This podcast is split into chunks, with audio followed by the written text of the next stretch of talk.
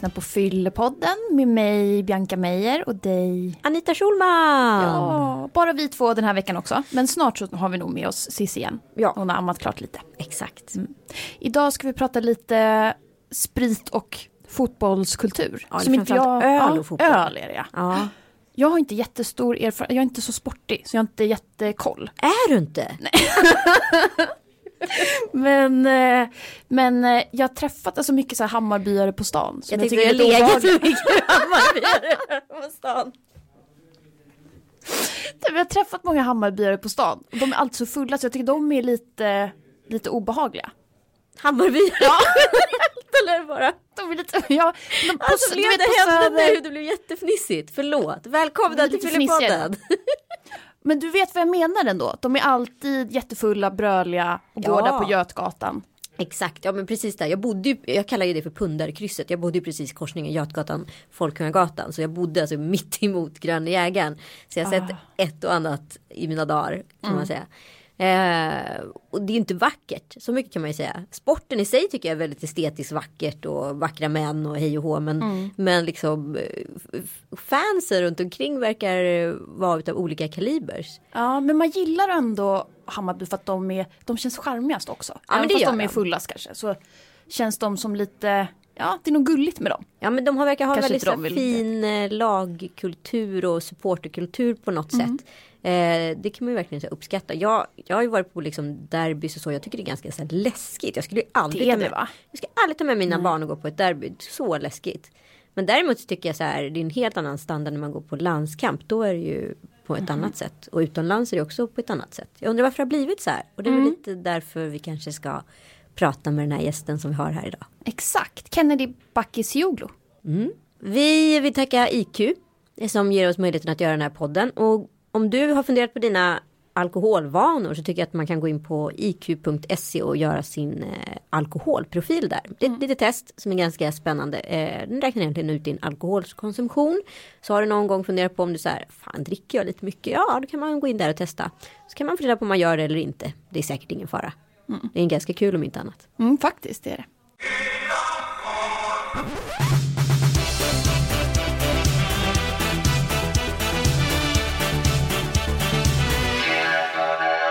Välkommen hit. Tack så mycket. Det är typ du och Zlatan som fotbollsspelare som man benämner med förnamn. Det kan ju ha att göra också med det att ditt efternamn inte är superlätt uttalat. Nej, Bakir Cioglu är väl egentligen varit ganska svårt för många att kunna uttala det. Plus att när de får se det så får de någon form av panik. Hur ska jag kunna uttala det här liksom? Men det är, jag har försökt hjälpa många och, och liksom eh, på något sätt eh, att säga det. Men om man tänker Bakir och sen Cioglu så blir det lite lättare. Just det, man måste dela upp det. ja. Man får dela upp det så blir det lite enklare. Men, eh, men det har blivit bättre. Men Kennedy är ett jäkligt bra namn att ha, det är ingen som glömmer det. Nej, det känns bra. Jag är ganska stolt över att ha fått det namnet. Det kommer egentligen från min farmor som ville, hon var så förtjust i John F eh, den tiden och Ja. hon tyckte att eh, hennes son fick sitt första barn, blev en pojke eller kille, så, sk- så, så självklart så ska han heta Kennedy och då ska, vara, då ska han bli något stort enligt Ja. henne. Och, Vilket det ju blev. Ja, Det var en det, jäkla tur. Det, det är jag glad över så att det blev något annat. Så nu blev det fotbollsspelare och jag har gjort en karriär och känner mig stolt och glad över att det har gått bra för mig under, under de åren. Hur många år har det blivit liksom Hammarbys finest? jag på säga. Ja, flera gånger. Du har fått många utmärkelser. Ja, nej men det har blivit en hel del faktiskt. Jag har spelat i Hammarby sedan 98. Eh, så- alltså inte sedan 98 men jag eh, hade en paus däremellan. Jag blev ju proffs utomlands då. då. 98 till 2003 var jag med och vann SM-guld också 2001. Så att, eh, sen hade jag en resa utomlands i tio år och kom hem eh, 2012 igen och nu, har- nu har jag varit i klubben igen. Så att, så totalt har jag väl varit i klubben för ungefär 8-9 år här nu så att det känns eh, som att man har fått en eh, ja, några utmärkelser här och där så det, det, det är kul. Ja, massor. Alltså årets spelare hela tiden känns det som. Och... Ja, nej men det, det känns bra. Jag är Men du, ganska, du är favoriten i Hammarby måste du väl vara? Ja, man har väl eh, blivit någon form av en ikon kan man väl säga kanske. Ja. Man har varit i klubben så länge och jag och Hammarby-fans har kommit väldigt nära varandra. Vi har liksom egentligen eh, funnit en, en bra kärlek. Det har alltid funnits liksom där eh, innan matcher, efter matcher. Man har, det har alltid varit en glädje, det har alltid varit en glimten i ögat. Det har alltid varit roligt att få spela inför de här supporterna. Så den kärleken egentligen har växt mer och mer. Att vi är så pass nära varandra. Så att eh, är det så att ibland att det går väldigt tufft för laget nu är jag i och för sig kapten, nu får jag ta den rollen men hade inte jag varit det så hade jag ändå gjort det. Mm. Det är ibland att vi har supporter som är missnöjda och besvikna. Då gäller det liksom att man kan ta ett eh, litet samtal med dem och det kan vara väldigt viktigt för dem att få någon bekräftelse. Att, eh, att eh, de också känner sig viktiga. Ja, jag är så nyfiken på, vad är skillnaden på Hammarby-fans jämfört med Djurgården och AIK? Jag tror att AIK är de farligaste och Hammarby de charmigaste och Djurgården de snobbigaste, eller? Det det tror. Men... Det kan finnas en sanning i det, jag vet inte men det är så svårt för mig att säga. Men, men egentligen så eh, Hammarby egentligen, alltså som fans så har de alltid varit, de har inte varit någon medgångssupporter överhuvudtaget. Då vi har varit som... De kämpar på i motgångar, eller hur? Ja, ja de, är, dem. de är där och stöttar laget i stort sett varje gång. Vi har varit i superettan i fem års tid och det har varit väldigt tungt, det har varit väldigt mm. jobbigt. Men ändå har vi liksom haft fullsatt 12 000 på Söderstadion. Eh, innan vi flyttade till den här nya stadion då, så, som vi spelar på nu. Eh, så har det ju varit liksom att eh, de alltid har varit där för oss. Men frågan är hur hade eh, AIK, hade Djurgården haft samma sak. Det, det, ja, det är det, det som... Det, ja. Men det är bra vara underdog också för då bygger man ju det där. Ja absolut, mm. absolut. Det är inte det att jag sitter och kritiserar Djurgården eller AIK på något sätt så utan fans. Men vi har väldigt speciella fans. De är eh, där hela tiden för oss och det känns det känns tryggt och skönt faktiskt att vi har så pass bra supporter som alltid ger oss stöd både på hemmaplan och bortaplan. Men nu ska vi inte prata fotboll. Nej. Nu ska vi, det ska vi också göra. Jag undrar, Hammarby, inte det de som dricker mest också? Inte de jo, de är väl kända öl. för det va? Ja. På Söder, Gröna jägaren och Kvarnen och allt det här. Ja, hela Medborgarplatsen mm. folket eh, sitter där och njuter och Få hälla mm. i sig lite extra, mm. extra öl och, och ladda inför matcherna. Men eh, vad, hur, hur, funkar det liksom? För det här är ju en sport som det skulle inte funka om spelarna drack antar jag speciellt mycket men, men hela liksom fotbollskulturen är ju nästan så här byggd på öl sponsring eller bryggerisponsring. Ja, man dricker ja, öl när man, man, är där. Och... Ja och det är ja. liksom runt, kulturen runt omkring är ju ölbaserad. Hur ser du på det? Jo hur jag ser på det om jag ska vara, få min erfarenhet utomlands så finns inte det. I Spanien får man inte dricka på läktarna. Sant. Ja visst det, det är liksom eh, det är förbjudet vad jag har förstått det för att eh, där är det mycket familjemedlemmar. Det är La Familia som de säger i, Spanien. Då ska man dit med familjen, titta på fotboll och njuta och ha roligt. Och inte tänka på att det finns eh, huliganer som har hällt i sig mycket och det kan vara fara för eh, de här unga killarna som kommer dit för att se rolig fotboll och se upp till sina förebilder. Ehm, I Sverige är det annorlunda. Då, då kanske man eh, träffas på krogen, man dricker väldigt mycket och vissa kanske inte ens kommer ihåg ens en gång att de har sett match. Alltså de kommer inte ihåg Nej. matchsekvenser ens vad som har, vem som har gjort målen för att eh, vissa dricker så pass mycket. Då kan man ju lika gärna stanna hemma. Så det... Ja, ja det, det, är ju så men det är ju en form, eh, alltså de har ju kanske hållit på så här i så pass många, många år. Mm. Eh, Skulle att, du hellre vilja ha det som i Spanien? Jag skulle tycka att det var trevligare för då vet man ju också att det, alkohol, vi vet ju om att alkohol ser ju till att det blir oftast konstiga saker som händer. Då blir det oftast slagsmål, missförstånd, eh, påverkat på många sätt. Det kan vara något annat också men, eh, men eh, de grejerna när du vet att det inte finns på läktarna om folket har druckit innan självklart på krogarna och kommer och då kan man ju ändå se att de är väldigt berusade.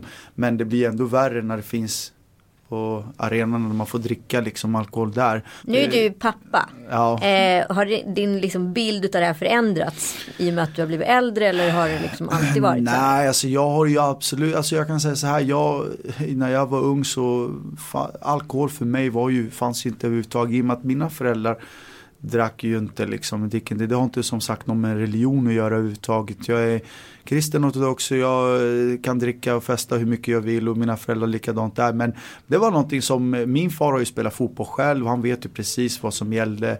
Eh, ska man lyckas då är det ju liksom att eh, då får man ta bort alkohol och sånt för det ska inte komma in i bilden om du vill lyckas självklart. Och den bilden fick jag ju helt enkelt. Så växte jag upp och då blev det ju så att, vi, att jag inte tyckte om alkohol överhuvudtaget. Tyckte det var eh, konstigt i smaken och allt det här också. Så att, mm. Men det kändes som att eh, jag brydde mig inte så mycket om det heller. Även om det fanns eh, lagkamrater efter matcherna som gick ut och eh, tog sig några öl och hade kul eh, för att vi vann och så här, men det var inte min grej. Men nu kan jag kanske ta mig, eh, ja, och gå ut efter en match och fira med mina polare i laget. Och, men ändå till en måtta där jag vet att jag inte Mm. ja, men du vet att jag inte ligger någonstans utan det ska vara att jag vet vad jag gör för att det är jätteviktigt att jag har full fokus på att jag vet vad jag gör för någonting så att jag ångrar någonting sen. Har du sett någon, här, någon spelare som, har, som det inte har gått så bra för? För att den har druckit för mycket eller så? Ja men det har ju så många spelare egentligen som eh, lider av alkoholproblem också. Paul ja, men jag har hört att det dricks ganska mycket bland ja, fotbollsspelare och ja, idrottsstjärnor överhuvudtaget. Ja, idrottsmän, eh, ja det kan vara så faktiskt. Eh, det finns ju ett problem där och jag vet inte, det är så svårt för mig att svara på den mm. frågan i och med att jag har ju själv inte varit så mycket inne i den Nej. grejen. så att eh, jag vet inte vilka, vilka de har haft runt omkring sig. Alltså när man var ung i min ålder då fanns det inte att vi skulle dricka lite alkohol för att det var häftigt. Nej. Eller så att föräldrarna inte visste liksom. Det, var inte, det hade inte jag i tankarna. Det var mer att det var fotboll, det var idrott, det var liksom, jag var en helt annan. Mm, du var helt dedikerad jag, från första början så. Ja, alltså jag var i helt annan värld på något sätt. Att det var liksom idrotten som skulle få mig att må bra och, och känna mig glad. Mm. Känna mig stolt att jag liksom gör någonting som är bra som mina föräldrar är glada och stolta över mig mm. att jag gör någonting som är bra. Så att, Gud vilken drömson. Verkligen. Ja. Och hur kommer du prata med din dotter om alkohol då? Ja, det, jag, kan, jag kommer ju självklart alltså försöka ge dem den uppfostran jag har fått. Eh, vill jag föra vidare det till min, både min son och min dotter eh, när de växer upp att, eh, att alkohol det, det är ingen lek med alkohol utan eh, Ska man dricka alkohol så kan man självklart ta sig något glas men inget överdrivande liksom för att eh, jag vill gärna inte att mina barn ska växa upp och, och ha alkoholproblem för det är en mardröm i så fall för mig och för min sambo Caroline. Så det är ingenting vi eh, ser fram emot. Men Nej. samtidigt så vet vi inte vad som händer du verkar ju föregå med gott exempel i alla fall. Ja, jag hoppas det. Jag hoppas att uh, många, för att man har ju sett så mycket, du vet. Det, det, det är lite tråkigt ibland. Ja, man... Har du någon teori om det här varför fotbollsspelare och idrottsmän dricker jag mer? Jag tror att det handlar om att man är så pass spärrad ett helt år. Alltså det är spärrad är fel ord kanske använda, men ja. att du tränar måndag, tisdag, ledig onsdag, mm. torsdag, fredag, lördag, kanske ja, förberedning inför mm. söndagsmatch träning måndag igen. Så har du en dag i veckan eh, vila där ja. du knappt kan ens göra någonting egentligen. Då är det vila ordentligt för att återhämta din kropp. Om du gör det här under ett helt år då förstår du vilken explosion det blir. Ja, oh, gud. Jag tänkte alla andra som jobbar måndag till fredag men ändå kan ta sig och gå ut och festa och kul fredag, lördag, känna att söndag, där återhämtar jag mig så är jag klar på måndagen. Den har inte vi, det, det, det, finns inte för oss. Alltså, missköter vi den biten så så finns det inte. Alltså, men det kan... finns ju ändå så här högpresterande eh, idrottsmän som vet man att det har gått inte så bra för dem senare. Men liksom som George Best och så. Ja. Det, han var ju ändå. Han mm. drack mycket. Han drack mycket. Ja, det finns ju vissa som klarar av att dricka och prestera. Ja, ja jag förstår mig inte på Men det det förstår inte jag heller. Alltså det är, jag, jag tror att det är, alltså tänk om han inte hade druckit hur mycket mer bättre ja. han skulle kunna prestera egentligen. om man tänker så. Mm. Eh, nu gick det så pass bra för honom så att då tänker man inte på den grejen. Men, men eh, jag personligen självklart, eh, jag vill inte sitta här och kritisera någon överhuvudtaget. Det är allas val vad man får göra.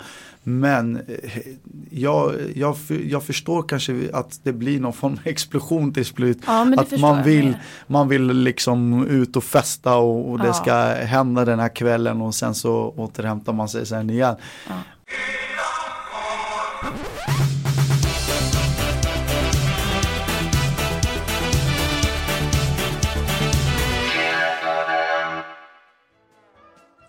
En undersökning som IQ lät Sifo genomföra förra våren ställdes frågan Tror du att alkohol är en bidragande orsak till det fotbollsrelaterade våldet på och utanför fotbollsarenor i samband med exempelvis allsvenska fotbollsmatcher? 44 procent svarade ja, absolut. Och 39 procent svarade ja, troligtvis.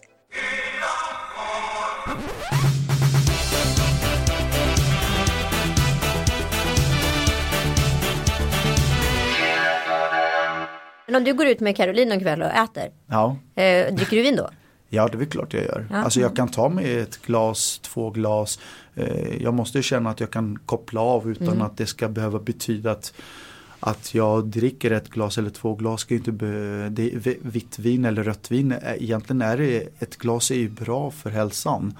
I Spanien är det kultur att vi Dagen innan match då satt vi och käkade liksom middagen och då är det väldigt sent. Då är vi 9-10 tiden på kvällen faktiskt. Jaha, och Det- dricker vin då innan match? Ja, då, nej inte alltså dagen innan då. Då, Ja. eh, då vi förbereder och sover vi över på hotell innan då. Då är det till middag, då får vi en, en flaska rödvin där eh, vi är sex spelarna. Då får vi ta oss en, ett glas rödvin och då ska det vara bra för hälsan att man kan Ah, sova lite gott. grann. Ja, lite grann. Det är inte liksom att du ska hälla i det då. Nej. Det hade de inte gillat. Men, eh, men det finns ju som tradition. Så det, det är ju inte fel. Det kan man ju egentligen inte se det som fel så. Men vad har ni för liksom regler i själva i, i klubben eh, med alkohol? Finns det Nej, någon Det, nolltolerans? det är ingenting som tas upp. Alltså klubben värvar ju spelare för att de är professionella. För att de representerar klubben på ett bra sätt. Och eh, de som utför eller de, det som, de som händer, de som blir utsatta för någonting till exempel att det har hänt någonting så det, det tar ju klubben kontakt med direkt och då är det varning som gäller. Tror jag och, och sen får man kanske lämna klubben om man missköter sig men i det här fallet så finns det ju inte någon form av en regel på kontraktet kanske så eh, Jo att man är lojal mot föreningen, man sköter sig vid sidan av så här, men att det står någonting om form av att äh, men du ska inte dricka alkohol. Sånt finns det inte tror jag inte utan eh, du är ju så pass professionell att du måste faktiskt klara, klara av den, den grejen själv. Mm. kommer det ofta fram, det måste det göra, att det kommer fram jättefulla Hammarbyare till dig? Och ska prata och Jo, jo men det är klart det får man ju vara med om. Det får man ju förstå liksom att, eller förstå men det, det man får Kan de vara jobbiga ibland? Ja, liksom, alltså de är det, så fulla? det är klart att de kan vara jobbiga ibland. eh, Att de, eh, vissa kan vara väldigt fulla liksom och då Ja. får man säga till liksom att eh, Ja nu måste jag gå vidare. Vad gör de då? Vill de kramas eller vill Nej de men det är väl bråka? oftast, eller? eh, oftast att de eh, vill ge en en kram för att de tycker om en så mycket och Mm. sen så ska det vara någon foto eller någonting sen. Och sen så eh, blir det babblande. Aldrig att, de, att de vill säga sitt och då får man liksom säga kanske ifrån där lite grann. Men, eh, men det har funkat ändå bra. Jag har inte råkat ut för något konstigt så här. Men man får förstå också att eh, man betyder mycket för de här Mm. människorna och då får man ta det med en nypa salt ibland att, eh, eh, ja, att det kan vara jobbigt ibland. Men det, Men det tycker då- du att det börjar drickas mer liksom i bland supporternas typ på ur ett tioårsperspektiv? Det kan vara så ja. Det kan vara att, att det kanske dricks mer. Eller så har jag bara fått för mig det. Och vad tycker du om själva eh, ölsponsringen som liksom Ja, jag vet inte vad jag tycker egentligen men det är någonting som eh, som klubbarna kommer överens om. Det är kontrakt, det handlar om pengar, det handlar om business. Det är, det är, liksom, det är också det att klubben ska gå runt och det är pengar som ska komma in. Det är liksom, det där är så svårt för Men mig. om det var vetemjöl som ville sponsra istället skulle du inte säga nej? Nej, det är klart att eh, det är klart man inte gör det. Men just nu så, vi, ja, eller det, det är liksom eh, mycket pengar kanske inblandade i det här. Mm. Vilka sponsor man har och så här. Det, ja, det, det är inte jag som kan ta ställning till den frågan om du förstår mig rätt. eh, Utan det ju, handlar ju om kontrakt, pengar och allt det här. Så att, —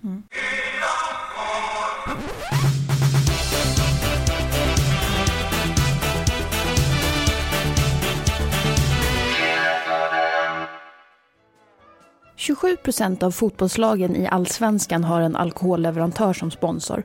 Värdet av medieexponeringen för alkoholleverantörer genom sponsring av idrott uppskattades till 40 miljoner kronor under 2012.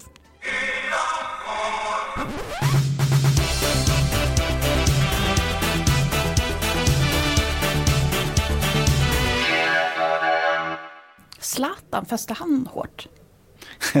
Zlatan och... Du kanske festar det- med honom? Ja, vi har, vi har haft kul tillsammans även ef- efter landskampen och vi har haft det kul, eh, vi har vunnit eh, och då har vi, har hela laget eh, varit ute och då har vi haft det trevligt tillsammans men Nej, jag ser inte Zlatan vara den killen som dricker mycket. Han sköter sig jättebra. Han är väldigt professionell faktiskt, måste jag säga. Lika bra som du? Ja, det tycker jag. Absolut. Varför är han så dryg? Det lilla jag sett av, alltså i Zlatan är intervjuer så inte här- dryg, han är en väldigt godhjärtad människa. Aha, men är det på skoj det här? äh, Jag tror, att, är jag tror att det är mycket skoj och glimten i ögat. Man måste Lite förstå vad, ja, man måste förstå lite grann Zlatans skämt ibland. Och jag som känner Zlatan och vet och varit tillsammans eh, spelar fotboll i landslaget. Alltså här, han, är, han är faktiskt en eh, jätteomtänksam och bryr sig också väldigt mycket om alla. Och, Mhm. eh, han är godhjärtad så att eh, jag, vi är bra kompisar eh, varje gång vi träffar varandra så det finns inget konstigt för mig att säga om Zlatan och sen eh, kanske folk kan tycka att Zlatan är dryg eller så. Alla någonting. älskar honom, det är bara jag som stör mig lite. det är så, okej. Men har inte ni lite lika uppväxter sådär? Det- alltså att ni ja. båda så med pappan som har tränat er och pushat er Ja, så det, hårt. Och... det, kan, det kan vara så. Jag påmindes lite grann mig själv när, eh, när jag såg Zlatans dokumentär och med pappan och allt det här. Hur mycket hans pappa inlever, i, ja, vilken inlevelse han har. Hans bakgrund och eh, var han har spelat Rosengård och hela den grejen. Och jag har liksom växt upp i Södertälje och det är klart att eh, det är lite liknande saker där med Ringer din pappa dig efter varje match eller innan och peppar? Ja, alltså vi har ju, herregud, jag kan inte förklara för det. Vi har haft sådana eh, möten efter matcher där vi har gått igenom varje grej liksom. Han är aldrig nöjd och han, är, han blir aldrig nöjd och han har, tror jag aldrig har sagt till mig att eh, vad duktig du är min Är son. sant? Men gud vad jobbigt, är inte det, blir du ledsen för det? eh, Jo, det var en otrolig frustration för mig i början när eh, jag var ung liksom. Och då, jag fick aldrig höra om min egen far som sa till mig att eh, min son, vad jag är stolt över dig idag. Idag var du grym, du gjorde tre mål, fyra mål, du var överlägsen. Jag tror aldrig, alltså jag har inte fått höra det av honom någonting och det fanns ju en baktanke i, eh, hos honom varför jag aldrig fick höra det och min mamma eh, sa ju jämt till honom men varför säger du aldrig till honom att han Ja. är duktig liksom och jag liksom kände, eh, vad är det, varför säger han inte det? För han berättade aldrig det för mig Blir du heller. inte ledsen då? Liksom? Jag tog åt mig, jag varit ledsen, ledsen inombords liksom. Jag tänkte, fan, alltså, vad, är det, vad är det jag gör fel? Är det någonting eller gillar inte min pappa mig eller vad är det frågan om? Men eh, till slut fick jag ju veta det och han, han sa det att eh, jag har alltid tyckt att du har varit överlägsen men jag vill aldrig säga det till dig för att om jag säger det till dig så kommer du bara slappna av och känna dig bekväm. Då kommer du vara nöjd med det du gör. Men så länge jag håller tyst är det för att du ska bevisa mig hela tiden att du vill bli ännu bättre och du kommer lyckas. Och du ville bli proffs, det är därför du har också lyckats. Och sen har jag tränat mig självklart. Extra träning vid sidan av har jag och han kört väldigt mycket eh, med mig så att jag liksom skulle bli ännu bättre. Så de här, han hade baktanke i det hela och då förstod jag det sen. Då förklarade han det också för min mamma att det var därför jag aldrig sa det till honom. För att jag vet att han kommer bli bekväm, han kommer känna sig nöjd. Och han kommer känna att äh, men nu har jag gjort mitt och jag är glad och nöjd. Men när du liksom. fick SM-guld då?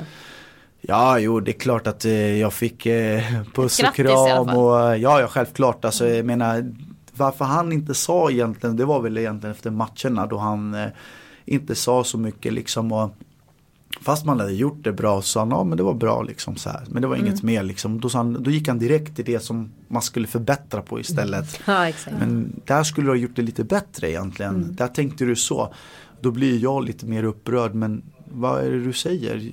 Vi vann, jag gjorde det bra. Varför ska du då komma med en sån här grej till mig? Men då var det liksom att han eh, ville att jag ska, han liksom ville få mig att bli ännu mer taggad liksom. Och bli ännu duktigare. Så att, Är han en bra farfar då? vad sa du? Är han en bra ja, farfar? Då, absolut, det är han ju. Han, eh, han visar mer till Leo, till Ja, min son. ja, så. Ja, ja, jag ser skillnaden nu hur han hur mycket han eh, ger honom beröm. Att han, kanske, ja. alltså, han kanske har ångrat sig med sin strategi. Ja, alltså jag vet inte om han ångrat sig men det är mer liksom, det var hans sätt att tänka. då, då han ville, för han var ju själv fotbollsspelare, han lyckades inte på grund av sina skador. Då kände han, nu ska jag se till att min son lyckas. Då, ska, då tänkte han efter, vad är det som krävs? Jo, det här, det här, det här krävs. Då ska jag försöka ge det här till min son så får vi se hur han tar det. Och jag tog det till slut på ett bra sätt i och med att jag kände att jag utvecklades, jag blev bättre och bättre och bättre tack vare att jag aldrig var nöjd med mig själv också till slut. Jag hade, eh, än en gång nu, så kan jag göra en bra match. Jag vet att jag har gjort det bra men så finns det fortfarande någonting som säger mig från min tid, från min far där han aldrig berömde mig, att jag fortfarande kan bli, göra det ännu bättre. Den finns med mig hela tiden. Mm. Oavsett hur bra än jag gör det så kommer jag aldrig känna att det här var bra liksom. Nej, det finns inte hos mig. Men vill du föra vidare den uppfostran för dina ja. egna barn? Ja, det kommer jag göra absolut. Nu kommer Leo få en helt annan uppfostran i och med att jag Leo, eh, han bor, han bor bra, han har det bra, mina barn har det bra, jag ger allt till mina barn. Hade du det inte bra när du var liten? Eh, jo, jag hade det bra men jag, vi hade det fattigt. Mm. Det var ju inte så att jag kunde bo på Östermalm och hur är det förresten? Eller vill man inte, don't shit where you eat. ja men exakt. Nej men alltså det, det, det är ju så. Det var en tuff tid. Mina föräldrar flyttade från Turkiet. Vi syrianer från Turkiet. Det var, det var liksom det var tufft för oss att eh, känna den, eh, mina föräldrar kunde inte språket, inget jobb, min pappa började spela fotboll i assyriska. Och de skulle liksom, han skulle se till att familjen liksom skulle försörjas. Och hela den grejen och det är klart att jag hade kompisar som hade rika föräldrar som hade restauranger som kunde göra mm. vad de mm. ville medan jag ibland kände att det var jobbigt. Jag kunde inte göra det här. Jag hade tyvärr inte råd och familjen ska ju gå runt liksom. Vi är ju fyra barn liksom. Vi är fyra stycken så farsan eh, fick ju slita väldigt mycket och morsan tog hand om oss där hemma och se till så att allting liksom eh, flöt på.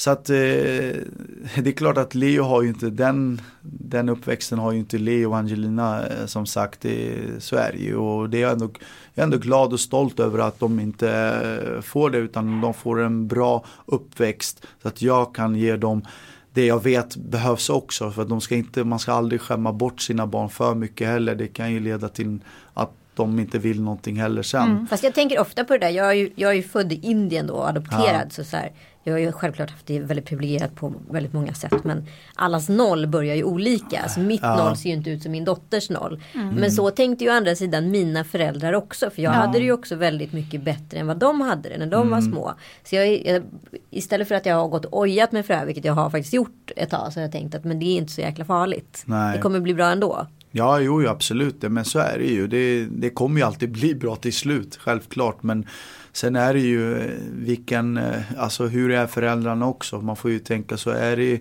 har man föräldrar som är, som är väldigt eh, besvikna, missnöjda med situationen och det är jobbigt, kärvt med ekonomin och allt det här. Så sprider det inte någon form av en glädje till Nej. alla andra. Då blir det att det här att man grubblar sig mycket över det som inte finns tillräckligt av. Det kanske är pengar. Mm. Var det så för dig när du var liten? Ja men det är klart att ibland jag kände, jag, jag, var inte så att jag var helt fattig men jag hade Nej. ju pengar. Eh, lite då min pappa gav mig så att jag kunde gå och äta med kompisarna men de andra gjorde mer än det. Ja. Och det hade inte jag råd med och det, det, det var ju så det var. Vad var det första du gjorde när du blev rik? Vad var det första dyra eh, grej du köpte eller gjorde? Jag visste det. Ja. Det, var, det, var, det var faktiskt min eh, klocka jag köpte. Jag sa det, jag ska köpa en en Rolex-klocka och det blev det. Men jag hade velat gärna haft en bil, det var det som var min dröm. Men på grund av att när man spelar i de här proffslagen så har de oftast kontrakt med olika bilföretag. Alltså det kan vara Audi, det kan vara Merca. Då måste man köra Mercedes eller Audi till träningarna och till matcherna. Då vet inte jag vad jag ska göra med min privata bil. Ska den stå bara? Mm. Så jag fick vänta tills jag hamnade i Spanien där jag kände att ja, men nu kanske jag kan i alla fall köpa mig en ny bil i alla fall. Så att, mm. ja. Vad blev det för bil? Det blev en XXM. Mm -hmm. Det vet inte jag vad det är. Men det, det är en BMW. Mm -hmm. så det... Men väldigt fina, mm. jättedyra. Ska jag googla sen. men du, hur mycket tror du att fotbollsvåldet har med alkohol att göra då? Jag tror att det har med det jättemycket att göra för att jag tror att eh, alla som är påverkade eh, kan oftast inte styra sina känslor, styra det de gör i den sekunden men eh, Vad tycker du man ska göra åt det? det är så jäkla svårt. Du har ju sett nu, han som dog från Djurgården supporter, det är ju jättehemskt. Som får, eller familjemedlemmarna får lida. Det är, det, det är otroligt hemskt. Det spelar ingen roll vilket klubb, vilken klubb, vem, vem den är. Man ska, man ska förstå att det här är människor. Om man håller på Djurgården eller AIK eller Malmö, Göteborg, vad det än är. Det spelar ingen roll. Man ska, man ska respektera alla människor på alla sätt och vis. Det, det, det tycker jag liksom ändå är viktigt att man kommer ifrån det där med våldet. För att man vill ju ändå liksom att familjebarn ska kunna gå på matcherna Exakt, faktiskt. det är många som är rädda att ta med sina barn. Jag, jag förstår ju dem. Jag menar jag hade ju också känt, eh, nu ville, Leo hade kanske velat varit på matchen nu men det är klart att man känner att det är bäst att man inte kanske går på någon sån här match. Det, man vet ju inte liksom. Aha, du tar inte med honom alltså? Nej, inte speciellt inte när det är på bortaplan heller. Nej. Då känner jag liksom, okej okay, om det är hemmaplan då vet jag ändå att eh, var han sitter, vilken säkerhet som finns och hela den grejen.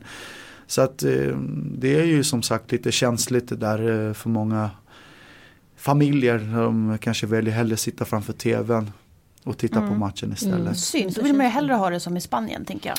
Det ja, jo, det hade, härligare och det hade, Ja, det hade ju varit, eh, det hade varit jäkla häftigt om vi hade haft, fått in den känslan också. Det hade ju varit kul. Jag tror vi ska göra liksom en speciell grej med dig eftersom du är vår första idrottsman. Att vi kör lite så här några snabba frågor. Så jag och Bianca kör varsin eller varannan helt enkelt. Vilka topp tre-lag tippar du är i årets allsvenska? Eh, jag tror det blir Malmö självklart, de är ju favoriter. Eh, och så Sen klart att jag ska tro på mitt eget lag Hammarby självklart. Eh, sen tror jag också att AIK faktiskt kan vara med och, och tillsammans med Göteborg Eh, kan vara med där uppe och Du måste fightas. välja ett. AIK eller Göteborg? Eh, ja, jag vet inte. Det där är svårt. De får dela på tredje plats. och vilken spelare skulle du vilja spela i Hammarby? Om du fick välja vem som helst. Eh, ja, då skulle jag faktiskt vilja ha, eh, eftersom eh, jag är kompisar så självklart vill jag ha Zlatan i Hammarby. Det hade varit häftigt. Såklart. Och vem är då allsvenskans bästa spelare? Känner du Bakircioglu eller? och världens bästa? världens bästa.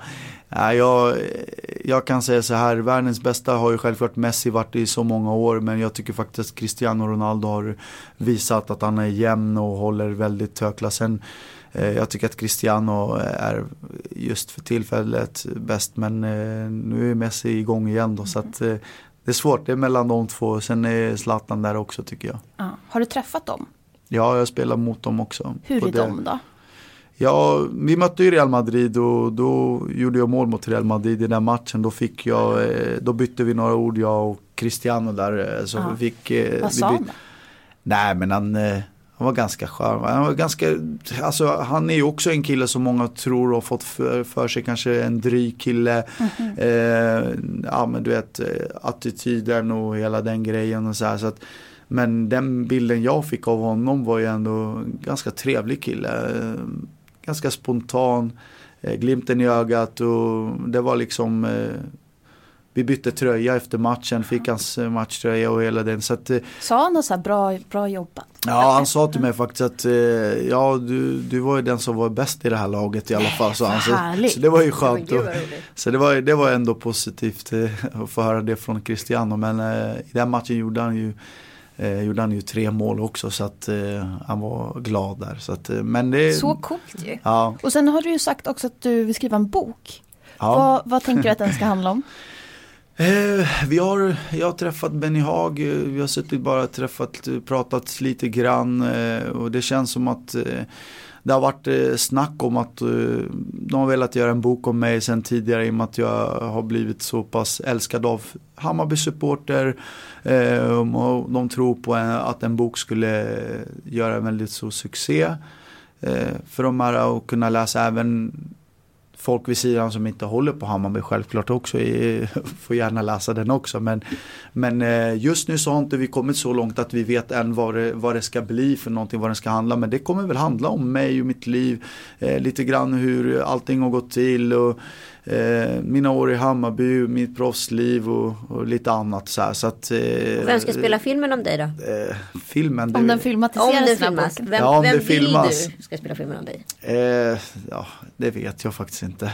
Jag kan, vi kanske kan skicka in förslag på uh, hashtagga fyllepodden på Instagram Ja, eller Twitter. bra. Jättekul att ha dig här. Ja, Jätteroligt, vilken kul intervju. Och tack IQ för att vi får möjligheten att göra det här. Gå in på iq.se om ni vill veta mera eller följ deras Facebookgrupp. Ha det bra!